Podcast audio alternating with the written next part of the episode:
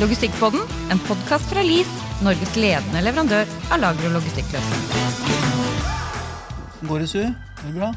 Har vi begynt med noe nytt? Skal du starte podkasten nå plutselig? Ja, ja, Forordning eh, fryder, og det er klart eh, Så lurer jeg jo liksom hva som skjer da, nå som du har blitt eh, daglig leder og greier. Har du ikke fått med deg den gule vinden som flyr gjennom norske lagre? Nei, jeg tror vi bare skal fortsette som før jeg, Børge, og, og bygge gode lagre og Ja, kjøre ja. på. Nei da, det er jo eh, som sagt ny, eh, ny gjest i dag og en ny episode. Vi har begynt å komme opp en del episoder nå, så eh, og, eh, skal kanskje ikke begynne med noe nytt, men at man kan sende inn eh, forslag på eh, ønsker og temaer til Logistikkpodden, så må dere gjerne gjøre det. Det syns vi bare er hyggelig.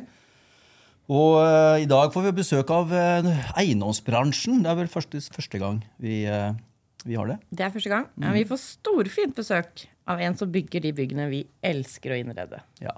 Velkommen til eh, Logistikkpodden. Dag Klem, eh, Vice President Sales. Og eh, ja, det er vel riktig tittel, det? Ja, det er litt sånn På norsk så er jo leder for salg og utleie. Ja. Så i i og med at vi har blitt sånn litt internasjonale, driver med si datasenter og Fiber Networks, så, så bruker vi engelske titler, da. Ja, ja, ja. Mm, Yes. Vi har også begynt litt grann med det. Ja. Det er litt mer fancy. Ja da. Litt for fancy. Men Kan ikke du fortelle litt kort hvem du er, Jo og hvor du kommer fra? Du, eh, jeg heter Dag Klem, mm. som du sa, og er opprinnelig fra Gudbrandsdalen. eh, Og har jobbet i Oslo i 30 år og jobbet med eiendom. Hadde 15 år i USBL som seksjonsleder for teknisk avdeling. Og så kom jeg over til Bulk for 11 år siden, og, har vært der da, og er der. Og skal være der i lang tid, håper jeg. Eh, Så, så det er liksom litt strekk om meg. Eh, Og min rolle er jo på en måte da å jobbe med prosjektutvikling og utleie. Eh, Og vi er jo et selskap som har vokst kraftig siden vi ble starta og siden jeg ble ansatt. Jeg var nummer 13 ansatt, og nå er vi 90 ansatte. Så det har skjedd mye på den tiden. Og som selskap så, så er vi jo en eiendomsutvikler, eh, hvor vi da har en tomtebank og jobber med leietakere. Vi bygger byggene og forvalter byggene. I tillegg så har vi to virksomhetsområder til, som da er eh, datasenter og fiber networks. da. Hva betyr det? Du, Det betyr at vi bygger datasentre eh, for datasenterkunder. Eh, og i tillegg så har vi lagt av fiber. Eh, så vi har lagt en, en eh, intern eh, fiberkabel til de norske storby, storbyene. Og så har vi sjøfiberkabelen bl.a. mellom Norge og USA. eh, og med flere nedover ned mot Europa. Eh, men det er et litt sånn annet tema, for det er en litt mer komplisert eh, segment enn det jeg Nei, jeg bare skjønner, ja, jeg bare skjønner. ja, Ja. Dere bygger Ja da. Vi bygger datasentre, og nå er det jo høy eh, etterspørsel. Eh, blant annet eh, kunstig intelligens. Eh, blant annet. Eh, så nå er det liksom Vi er i hvert fall eh, Det er høy demand da, om det nå, da. Så det er veldig spennende tider for de som hos oss, da, som jobber med datasenter. Ja, ja. Mm. Så, så tenker jeg, Du har jo ja, du har vært elleve år i bulk, jeg har vel vært elleve år i LIS sånn cirka. Så vi Ja. begynte jo litt sånn eh, nesten likt i den der. Så tenker jeg på de ti åra i eh, du, Eller elleve år du har vært her nå. eh, si, eh, har, hvordan har liksom markedet endra seg i forhold til logistikkbygg? Har det vært en stor endring, eller er det litt same same? Nei, endringen har vært Vi har hatt medgangstider de siste ti-tolv årene i form av lave gilder og, og sånn. I tillegg så har ikke selve byggeriet har ikke endra seg så veldig mye, men vi knar jo de standbyggene våre kontinuerlig hvert år. Og ikke minst eh, hvis, eh, hvis det kommer andre miljøkrav, f.eks., eller bærekraftskrav, så tilfører vi det i prosjektene våre. Så de største endringene er mer kravene til selve byggeriet. Eh, Men selve layouten på standardbyggene opp mot en Europall, det har ikke endra seg. Eh, Så det er på en måte marked, markedet har endra seg i form av at man har haft, hatt en periode med lave gilder, og nå har man da en endringer med økte gilder. Så det kan du egentlig komme litt inn på senere også. Men hva er en gild? Kan ikke du forklare det? Jo da, det er eh, avkastningen på en eh, næringseiendom. Og det kan gjøres ved at man da deler f.eks. Eller det kan forklare litt, da. Hvis du signerte en kontrakt i fjor vår hvor gilden var 4,8 eh, og du hadde 10 millioner i leieinntekt, så hadde du en eiendomsverdi på si 208 millioner. Nå, nå er gilden økt frem til i dag, eh, så den er sånn ca. 5,8 f.eks. Da har du fått en redusert eiendomsverdi fra 208 til 172 millioner. Så hvis du signerte en kontrakt som er utviklet i fjor våres, så sitter du nå med et tap på ca. Sånn 32 millioner da, i dag.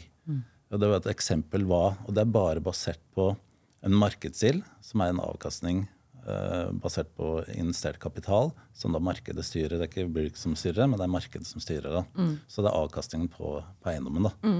Så liksom enkelt forklart så er det bare at det, det er den som styrer avkastningen vår, da, basert opp mot uh, leienivået.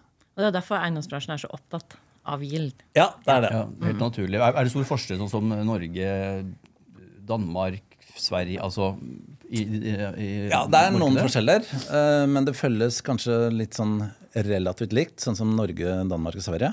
Eh, Men gilden er også basert på rentenivået i de landene som, som da man jobber med utleie og næringseiendom i. da. Så, så mens vi, vi har jo for så vidt eh, bygget også i Sverige for XXL. Eh, og vi har også nå eiendom i Danmark. Mm. men i hovedsak så har vi da prioritert å være i, i Oslo og omegn. Primært da langs E6 fra, fra si, Eidsvoll til Moss. da. Og så har vi noen tomter i Trondheim og nå også i Sandefjord for øvrig. Når skal dere bygge sånn? Det er så billig strøm i Finnmark. vet du. Når, skal dere bygge svært logistikksenter i, i Hammerfest? da? Ja, men Det er et godt eh, spørsmål. Fordi um, det var en periode hvor vi um, Og det er ikke fra disse Nord-Norge eller Tromsø for øvrig, men vi jobbet med prosjekter i Tromsø. Um, og vi var jo vant til å ha gilder på de nivåene vi snakket om, sånn rundt 4,5 og 4,8. Og så kom vi opp dit, da, det var kanskje to år siden, eh, og der skjønte vi at gildene var på sånn ca. 6, 6 eh, Og da kan dere tenke dere, når man så på eh, hva 1 slår på hvis du har en årlig leieinntekt på 10 millioner, hva det slår på eiendomsverdien. Så for oss å gå inn i markedet Så vi var der, jobbet med mange aktører, men vi skjønte at uh, vi klarte ikke å regne hjem de prosjektene da, basert på de gildene.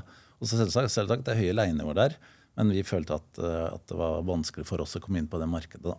Men man ser bare i Norge da, hvor store kontraster og forskjeller det er på gilder og avkastning om du bygger rundt Oslo versus å bygge, eh, bygge litt ut på, på landet. Da, for å si sånn. Ja, ja.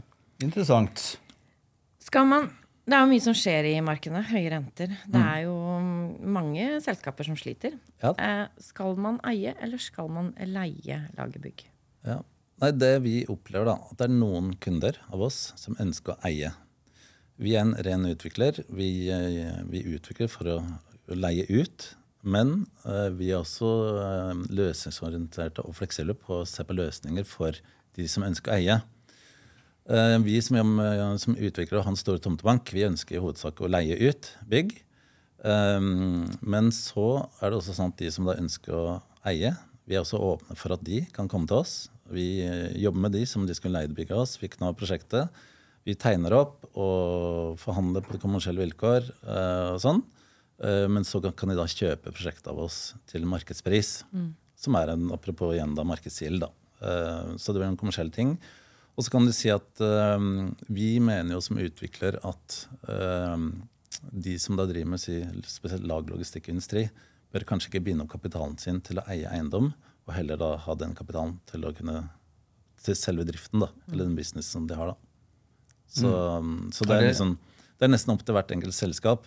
Uh, men så kan du si at hvis man da skal, hvis man bygger og skal eie et bygg, og man da har behov for ytterligere areal om noen år, uh, man har en større vekst enn man eh, hadde forutsatt, så blir man jo litt låst hvis man for så vidt eier det. Så der er vi, vi også sånn Vi er veldig opptatt av at våre leietakere skal kunne vokse i de byggene som vi bygger. Vi har bygget tre omganger for Electronipern i Vestby. Og det er en lang reise for øvrig, hvor de kom inn eh, Det var sikkert i 2014. eh, Hvor de hadde en omsetning på 200 millioner, og vi, de leide av oss Brennveien, eksisterende bygg. Vi signerte en kontrakt eh, på en annen tomt for øvrig, som vi ikke kunne levere på, så vi flytta prosjektet til Vestby. Og bygde da ett bygg eh, på ca. Sånn 7000 kvadrat. Eh, og så har vi nå eh, Og så prøvde vi å holde igjen tomten ved siden av, sånn at de kunne vokse utover. Og den muligheten får du ikke da hvis du f.eks. bygger ditt og skal eie et eget bygg. da. Nei. Men hvor lenge kan dere holde på en sånn tomt, egentlig? Og er, liksom, er det det er jo litt sånn, Sitte på en tomt som er ganske stor, det må jo koste noe. Det koster mye, eh, og vi kjøper ikke tomter eller har tomter for at de skal ligge, ligge uten Ligge bygg. byggeri. kunden vokser. Så, så vi, vi har en tomtevogn på halvannen million kvadratmeter. eh, Og det er hovedsak fordelt mellom eh, Moss og Eidsvoll. og Sandefjord og Trondheim mm. i Norge. Eh, så, så, og det har vært liksom forskjellen vår, det å kunne tilby da si, Hvis du er en aktør i dag som er litt usikker på om du skal ligge i nord eller syd for Oslo, så har vi kunnet tilby da, gitt et tilbud om et nybygg på nordsiden og nybygg på, på, da på sydsiden. Um, og klart, det, jo, det, koster jo veldig mye å ha en tomtebank. Vi har vært veldig heldige, for vi har um, inhouse kompetanse på det med regulering uh, og business development, sånn at vi prøver alltid å sikre oss opsjoner for å da sikre oss tomter av grunn Det kan være gårdbrukere, f.eks., mm. eller andre grunneiere, um, som vi da har opsjonsavtaler på. Eller at vi har kjøpt tomter og kanskje har kommet inn på et mer gunstig tidspunkt enn de tre-fire siste årene. Så, men det er ingen tvil om at det koster å ha en tomtebank. Mm, mm. Men optimalt for oss er å ha ikke minst attraktive lokasjoner for brukere. Det er jo det vi lever av. Ja. Det å kunne tilby, og Har ikke vi de attraktive lokasjonene, så klarer vi heller ikke å si kunne levere da, til potensielle leietakere. Mm. Hvor jeg tenker også på Det her med, det er jo noen som vi er borti på vår vei for uh, det er med innredning av lager. Uh, så klart at Én ting er jo reoler, og så er det noe, automasjon er jo mer kompleks. er jo vanskelig, Men det å leie ut et bygg med hva skal si, innredningslagerløsninger, er det noe som du har vært noe særlig borti, eller er det vanlig, uvanlig? Du, det er, um, det er kan du si, at litt uvanlig. leieprisen, kan ja, du si. Da, ja, det kan du svare på. For ja. det vi opplever, da, at vi bygger byggene som er standardiserte bygg, som er designa rundt Europall.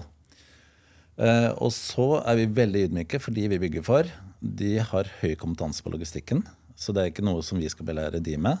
Um, og så kan de si at når vi da bygger et bygg, uh, så har vi et standardbygg. Vi beregner antall palleplasser og sånn. Det bistår vi i sam samarbeid med også andre, andre rådgivere. Uh, så klart, for oss så er det jo uh, det å ta investering på reoler.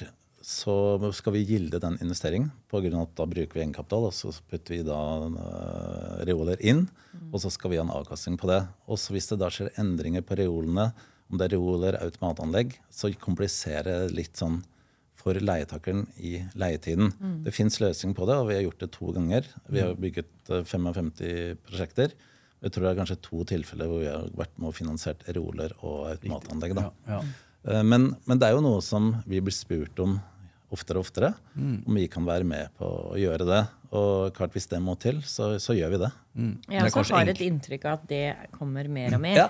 Um, for det, det, kan vi også få Nei, det er ikke vi som skal ha fakturaen. Det er mm. et eller annet eiendomsselskap. Ja, det kommer jo litt an på kompleksiteten. Klart jeg ser, Hvis du setter på et fryselager, for eksempel, som du skal bygge stort, du skal bare frysevarer, og det skal være eksempelvis om det er mobile roller eller andre automasjonsløsninger, så er det liksom, det, det blir jo er et fryselager de neste åra. Det er jo kanskje litt enklere, for da er det liksom bare så mange paller inn.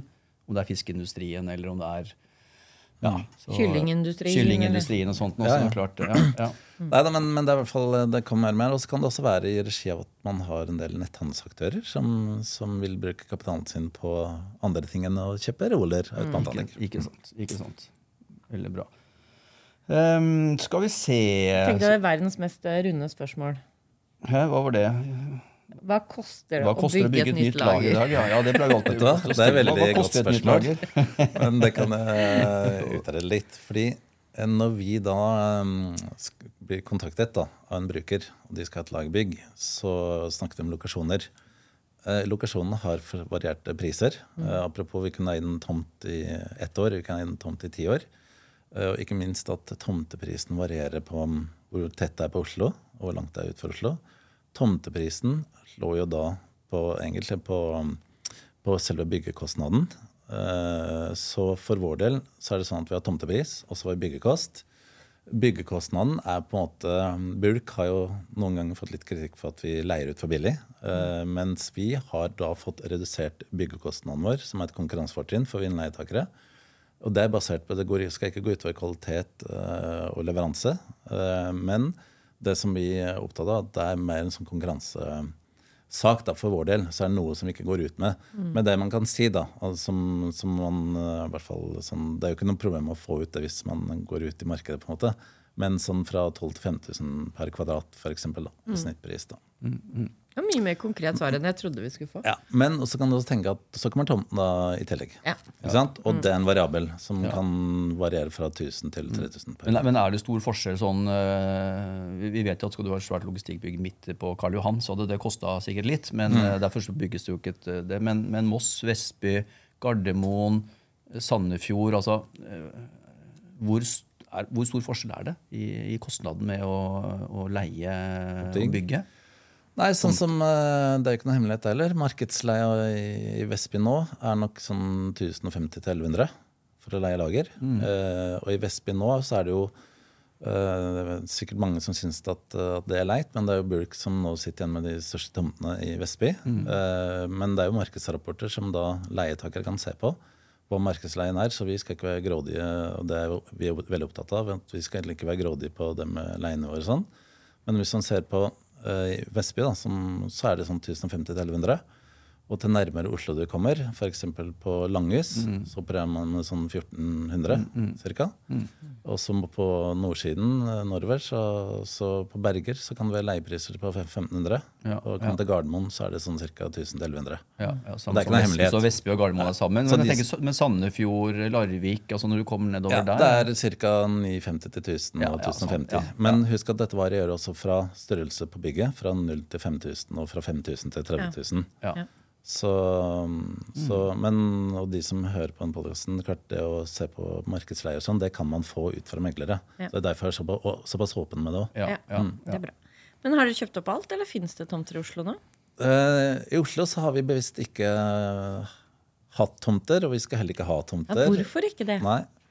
Det er liksom uh, det, vi har hatt um, Når Bulk ble etablert i 2006, så, så, var det i regi av at man uh, først så Ikke minst var det veldig dårlig luftkvalitet på vinteren i Oslo.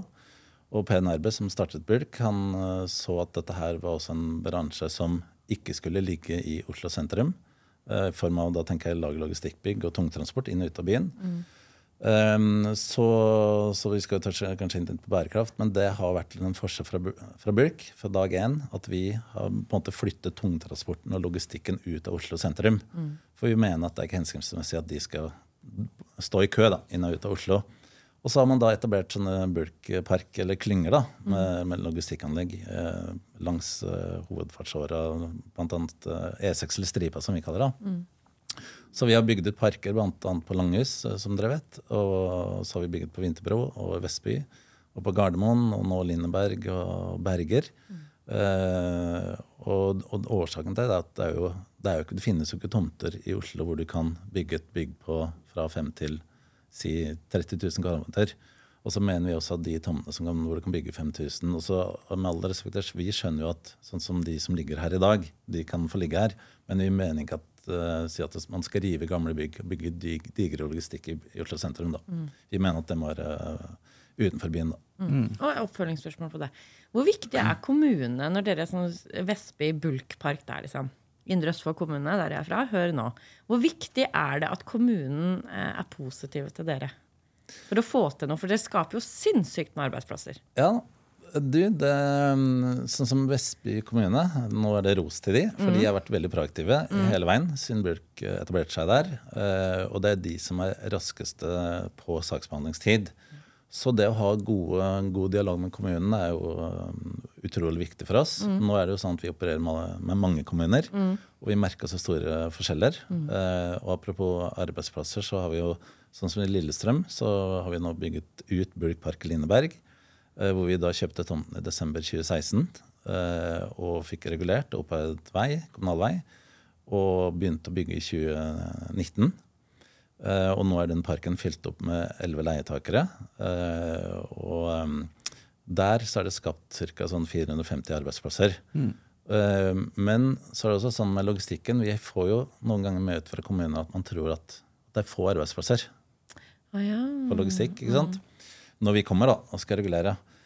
Eh, og det er jo det vi eh, alle da, som jobber med musikk, må prøve å liksom få frem også i kommuner, at det er faktisk eh, mange arbeidsplasser. Mm. altså Skjønner at det er noen lagre som ikke trenger det, men det er faktisk mange bedrifter som har mange arbeidsplasser som da ja, blir tilflyttende til kommunene eh, og kanskje kan bosette seg i kommunene. Så når vi reiser nå rundt til kommuner, så forteller vi i hvert fall hva vi driver med. Vi, kan ha, vi har referanseprosjekt bl.a. på Lindberg, hvor vi da har på kort tid bygget ut med flyttet bl.a. også tre leietakere ut til Oslo sentrum.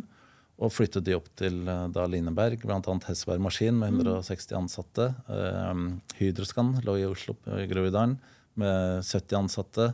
Alimenta også på Oslo-grensen. Så vi har jo flyttet mange opp dit.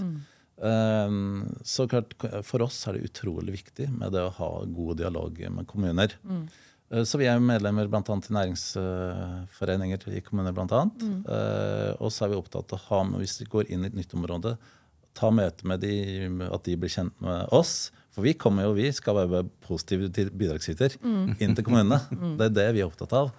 Uh, og så ikke minst at de er kjent med oss. Og så har vi tre segmenter som er både industri og industrieiendom, datasenter og fiber. Mm. Som det er også viktig for oss å liksom få frem. da. Så, så, dialogen med kommunene er veldig viktig. Så, vi, så, hvis det er noen i kommuner som hører på som ikke har snakket med oss, så, så oppfordrer vi til å ta kontakt. Vi er, det er bare å ta en telefon, og vi stiller opp og kunne fortelle hva Bulk driver med. Mm. Uh, og driver vi driver med verdiskapning for at vi da kommer med, med selskaper, kommer med arbeidsplasser da, til mm. kommunene. Ja, for jeg tenker Vestby kommune har vært utrolig heldige, for de har jo blitt eh, ordentlig sexy nå. For de har jo masse arbeidsplasser og store merkenavn. og liksom, Det har blitt veldig, veldig bra. Ja, ja. Mye trafikk. kommune, Jeg bor jo i Vestby, da, så det er det er eneste ja. problemet. Men det, det, er, det, løser, det, løser, seg. Ja, Men vet, trafikk det er en del av en logistikkhub. ja.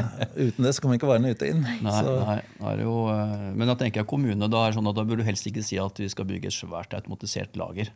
Det vil helst bare ha manuelt. Ja, for at det er det mest, Da kommer det mest arbeidsdagere. Ja, ja. Så, um, Men så kan du si også det med oppfølging på det. Klart vi, Når vi snakker med Lin, Park Lindberg, mm. Så er det jo um, det vi prøver å få frem. Det er jo Hesberg et eksempel. De har lærlingsbedrift. Og det er egen undervisningsklasserom um, mm. hvor de underviser uh, elever. Det er jo Eh, folk på verksted, folk på lager, det er folk på administrasjon. Det går for læringen til administrerende direktør da, i de selskapene. Mm. Så man må liksom ta med seg det også, at man ikke bare kommer med store bygg, men også at man kommer med mennesker da, som mm. tross alt trenger jobb mm. og skal være der. da.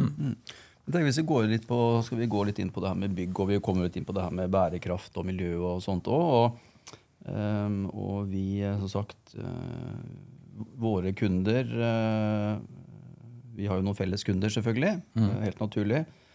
Og, og, så tenker jeg, før vi går inn på det her med, med bygg og, eller miljø, så, så, tenker jeg på selve bygget.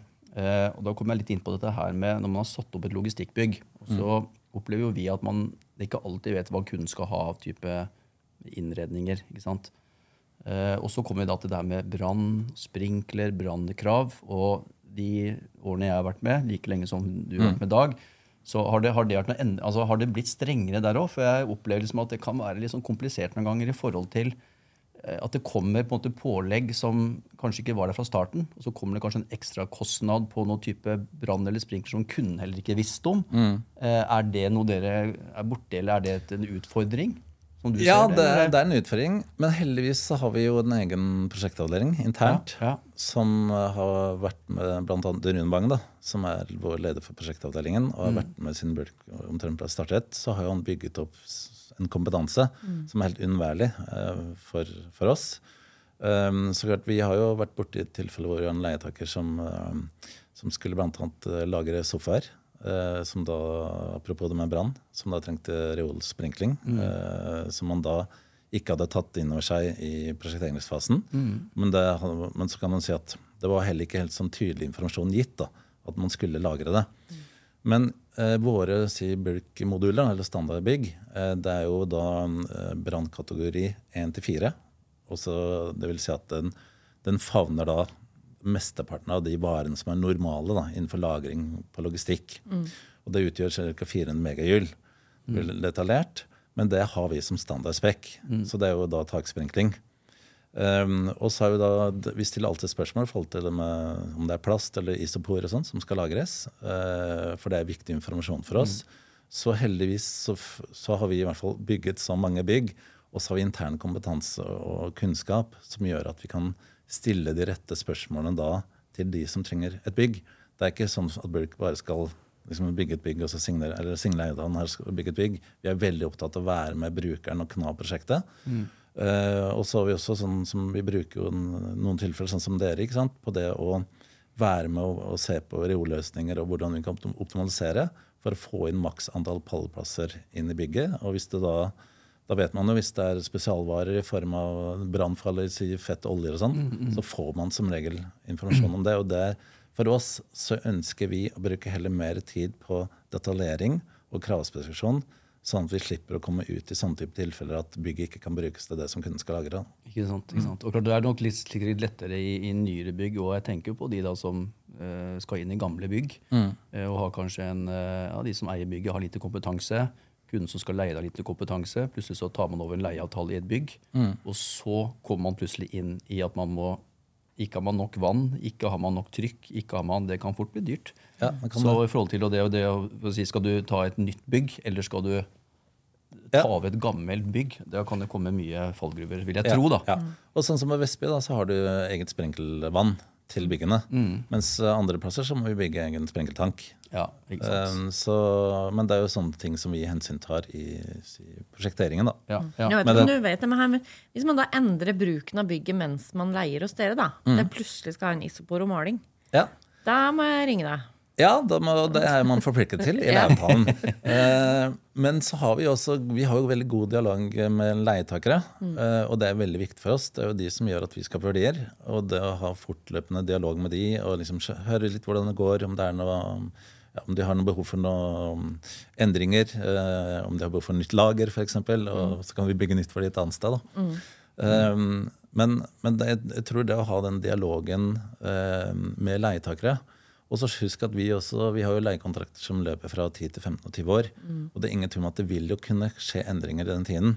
Og da må det også være viktig for si, leietakere å skjønne at de kan ta kontakt med utleier og, og se på løsninger. da.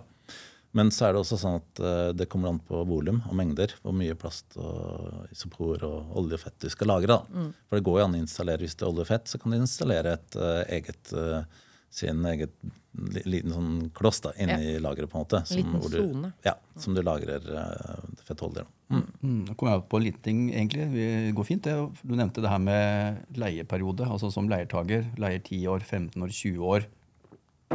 Kan ikke du si litt rundt om det? Hva, hva lønner seg? Hva ønsker dere? Hva er Hva lurt de for kunden? ønsker, er jo ganske tydelig, Børge. Men, ja, men eh, hva, er det, hva er det kunden ønsker, hvis kunden får bestemme? Ja, men det, men eh, det suser. For det, det med at hva vi ønsker, er egentlig sånn Husk at det her er også litt markedsstyrt. Hvis man er et godt attraktivt marked, det er stor etterspørsel, så kan vi være med å bygge på kort kontrakt uh, for øvrig. Ikke dagens marked, men det markedet som har vært. Sånn som eh, på Vestby så, så forsøkte vi å bygge Bulk Flexipark, som var beregnet for 3PL-aktører. Uh, Så vi liksom markedsførte det stort, og da kunne vi ha kontrakter på tre, men forskjellig type utløp. Tre til fem år, for det har 3PL-aktører. Så vi prøvde å markedsføre på det. Og da kom jo Lehmann for øvrig inn da, og tok den første delen. Og så vokste jo de, og så vokste de videre utover. Så vi har på en måte testet det med kortkontrakter. Eh, og så kan man si eh, for oss, i spesielt dagens marked, og det å gå under ti års leietid, eh, det er utrolig vanskelig, for vi får egentlig ikke finansiert eh, prosjektene. Men sett fra Bruks side så skulle vi selvsagt ønske å kunne, tilby noe. I Sverige så er det kanskje mer, og i Danmark eh, så er det mer vanlig å kjøre på kortkontrakter. Mens for oss så, så um, er det minimum 10 år, 10-15 og 20 år som er normalt. Så det kanskje mest normale er 10-15 år. Ja, ja.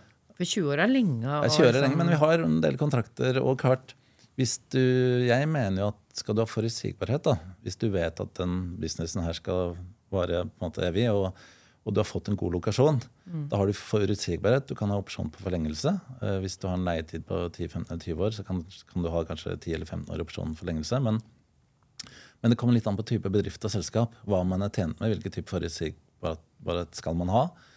Og ikke minst type vekst. Så, så det er mange parametere på det. Men det normale leietiden er da 10, 15 og 20 år. da, sett fra utleierside. Og det er ikke bare bulk, men generelt da i markedet. Ikke sant?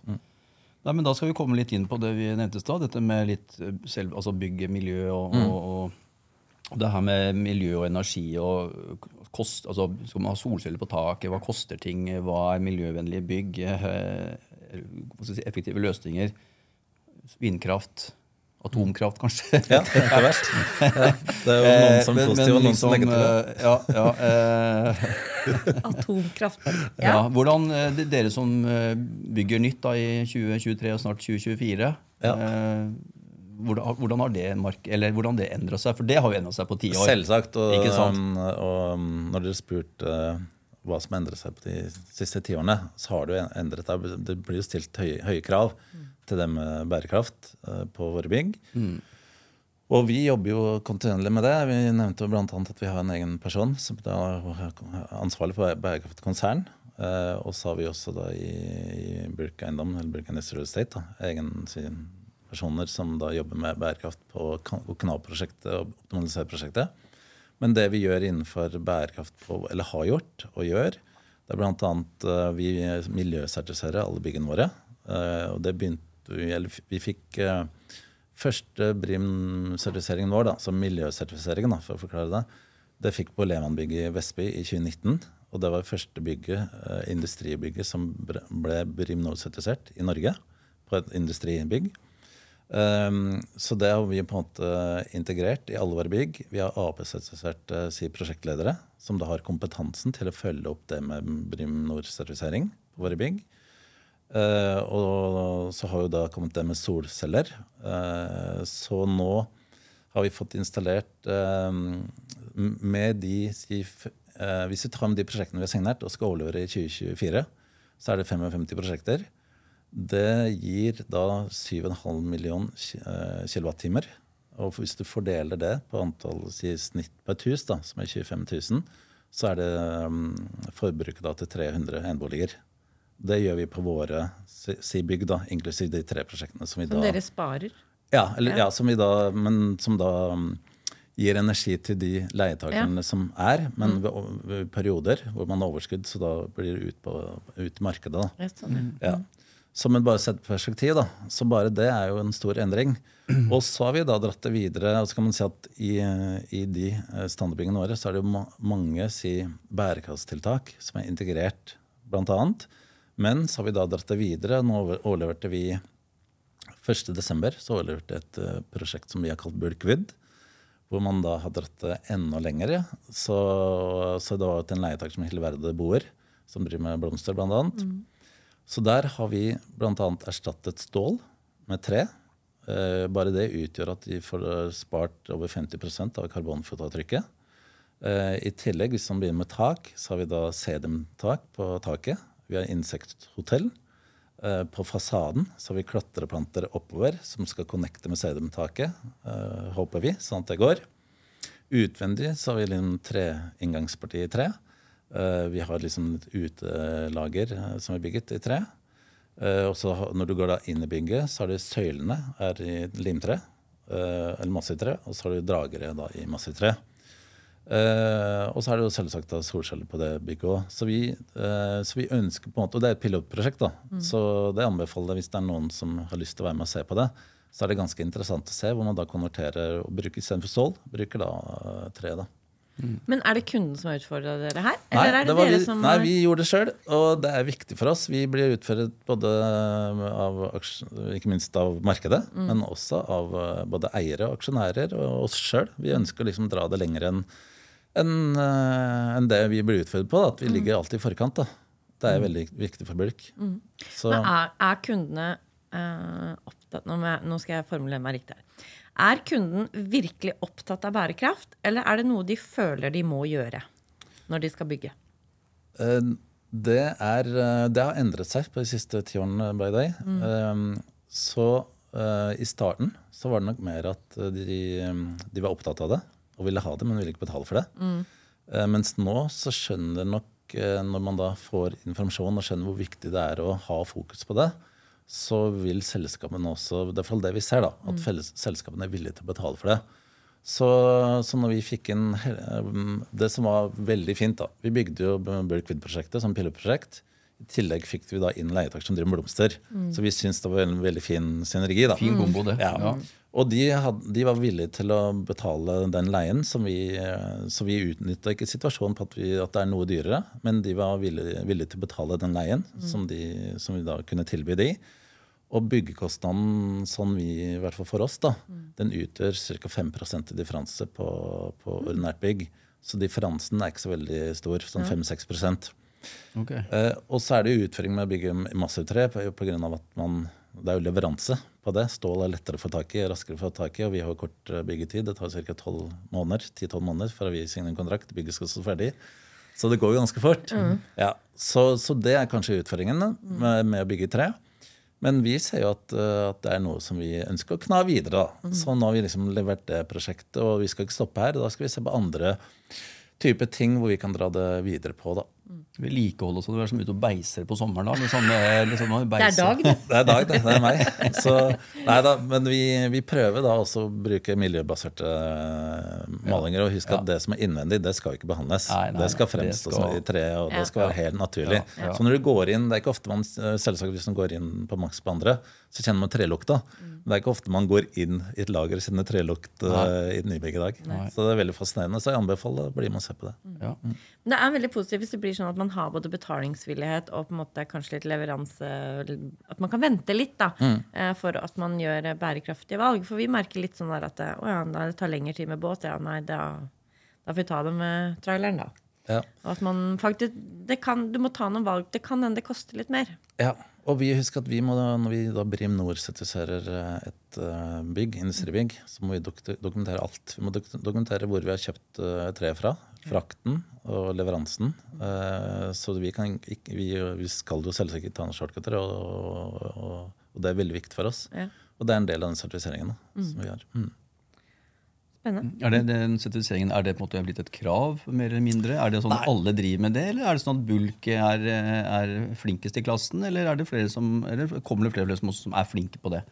Um, I og med at vi var den første i Norge som fikk Brim Nord sertifisert, så kan vi si at vi er flinkest i klassen. Ja, ja, det er lov. Det er helt riktig. ja, men men uh, um, det er ikke et krav.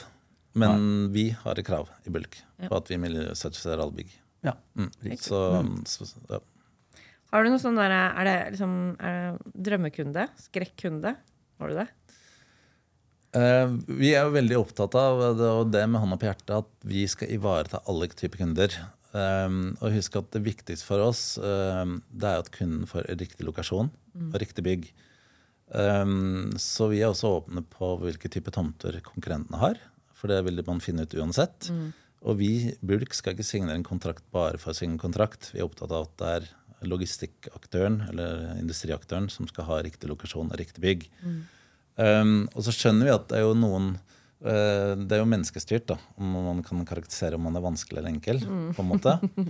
uh, mens vi føler at vi liker å bli utfordra. Um, så hvis definisjonen på vanskelig kun det er en som har høye krav, så ønsker vi å bli utfordra på det. Uh, så jeg vil si at eh, av de 55 prosjektene Bulk har bygget, da, så føler i hvert fall vi at uh, Og så må jeg si at vi, vi treffer jo vanvittig mye hyggelige folk når vi er rundt og, og, og snakker om bulk, og ikke minst å signere og vi forhandler om leiekontrakter og bygge bygg. Så treffer vi van, veldig van, mange da, hyggelige mennesker. Og det må jeg bare si, og det, det, og det er også liksom fantastisk med den jobben som bl.a. jeg har. Og det treffer, det treffer de menneskene som vi gjør da, når vi er rundt omkring. Da. Så mm, Mm, jeg, tenkte på det her med øh, vanskelige eller øh, drømmen kunden. Nå tenkte jeg litt mer sånn, sånn for vår del, da. Så, så er det ikke om å være snill og grei eller at noen er utfordrende eller ikke. Men det er litt det her med at man, før man skal i gang med et sånt prosjekt, at man på en måte, Noen ganger så har man noen kunder som bare lener seg bak og sier at det her kan jo, vet jo dere best, og så gjør dere det.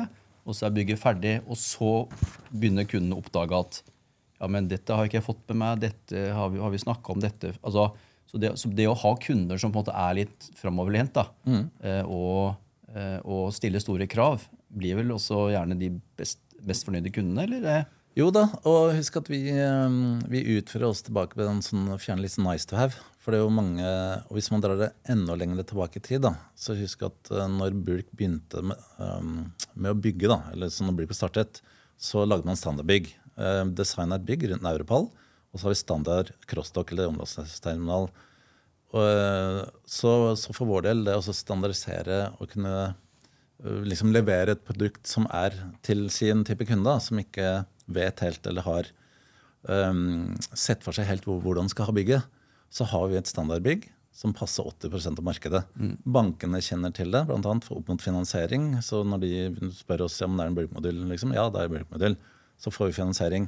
Så når vi begynner å snakke med en kunde, da, så er det sånn at um, vi får også det er jo, Vi snakker med de, så vi får jo informasjon hvordan de står seg i forhold til den kompetansen og kunnskapen og kjennskapen de har til logistikk og hva de trenger. Og vi snakket om det med e-commerce og netthandel, hvor man har startet en garasje og plutselig skal man ha et stort lager. Så kan man jo ikke heller forvente at de alle er gode på akkurat uh, hvilke typer lager de skal ha.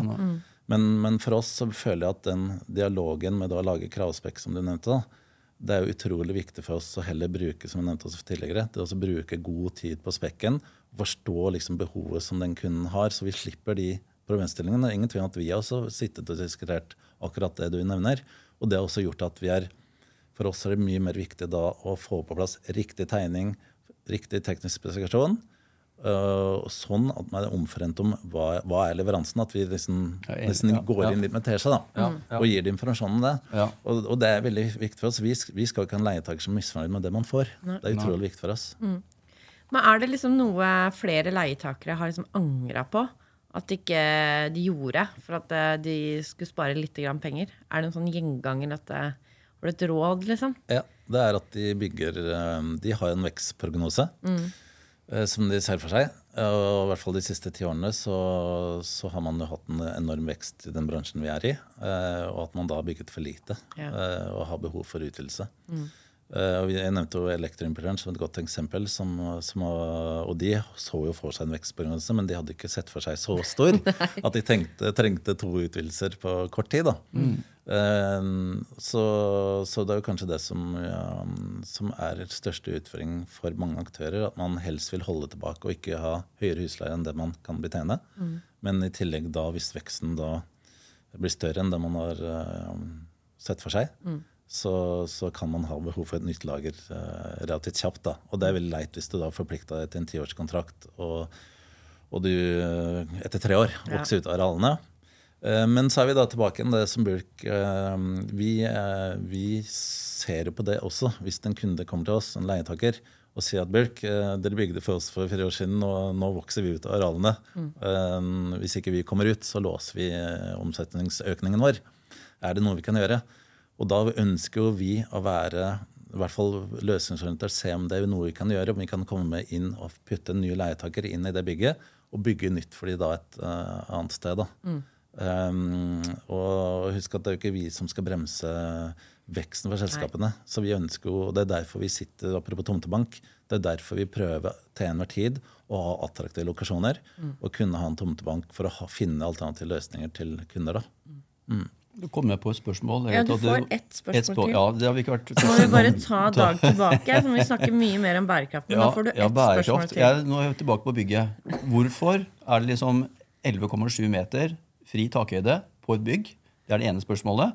Eh, hvis du ikke ønsker å bygge så høyt, for du vil helst bygge 8 meter. Det andre spørsmålet, hvis du har tomt på Vestby, og så ser du at fankeren heller, vi burde ha satt inn et kranlager, kan du rive taket? Kan du bygge plutselig et bygg som er 14 meter høyt, og få det til å bli 25 meter høyt? Ja, hvis jeg svarer på det første først, da, 11,7, så er det basert på at vi ser at uh, med 11,7 så får du åtte palleplasser i høyden. Det er standardpaller. 1,2 meter høye. Den har vi tviholdt på. Uh, og så er det selvsagt opp mot regulering på byggegrenser. At man har sånn si 16-17 meter. da. Uh, men husk at det vi gjorde, var jo å standardisere et bygg rundt Europall. Europallen kommer til å leve evig, tror jeg. da. Mm. Så, så svaret på det er egentlig åtte palleplasser i høyden. Og så får vi da svar jo, men vi trenger ikke åtte palleplasser i høyden. Jo, men eh, byggekosten for vår del, da, den er ikke så veldig eh, forskjell fra om man bygger da 8 meter versus 11,7. I tillegg, selv om den leietakeren da som ikke trenger 8 palleplasser i høyden, eh, trenger det i dag, så er det faktisk en buffer. Vi, vi, vi kjenner jo til leietakere hos oss som faktisk er leid ut eh, da den øverste palleraden, åttende plass, til sesongvarer fra en annen eh, aktør da, i Vestby blant annet. Så det er litt årsaken. Og så er det at hvis den leietakeren som ikke har behov for den øverste pallraden, flytter ut, så kanskje kommer det en ny inn som trenger den åt- åttende pallplassen. Og hvis man skal bli litt nerd, da, så er jo bulk-modulen vår, da, standardbygget vårt, er jo basert på et grid, sånn firkant, hvor du er 11,7 ganger 17,1, som er 200 kvadrat.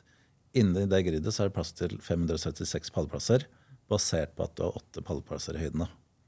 Så, så det er egentlig bare for å i hvert fall ha fleksibilitet, at du kan få inn maks antall pallplasser. Og så er det spørsmål to, det med kranlager og sånn. klart, Da er vi tilbake til regulering. Det er ikke noe problem å åpne taket og få inn kranlager. øh, For alt, alt er mulig. Um, men så er det sånn type størrelse på kranlager. Uh, for det spiser jo av selve lagerarealet. Men Hvis du da, en må du bygge på. Uh, du kan godt integrere eksisterende bygg. Men det er jo litt komplekst å gjøre det. Men det lar seg gjøre. Det er jo basert på å huske at de byggene vi bygger, de kan egentlig demonteres. Det er jo stål, stål som er montert, eller tre da, for øvrig, men det er jo knutepunkter som er skrudd.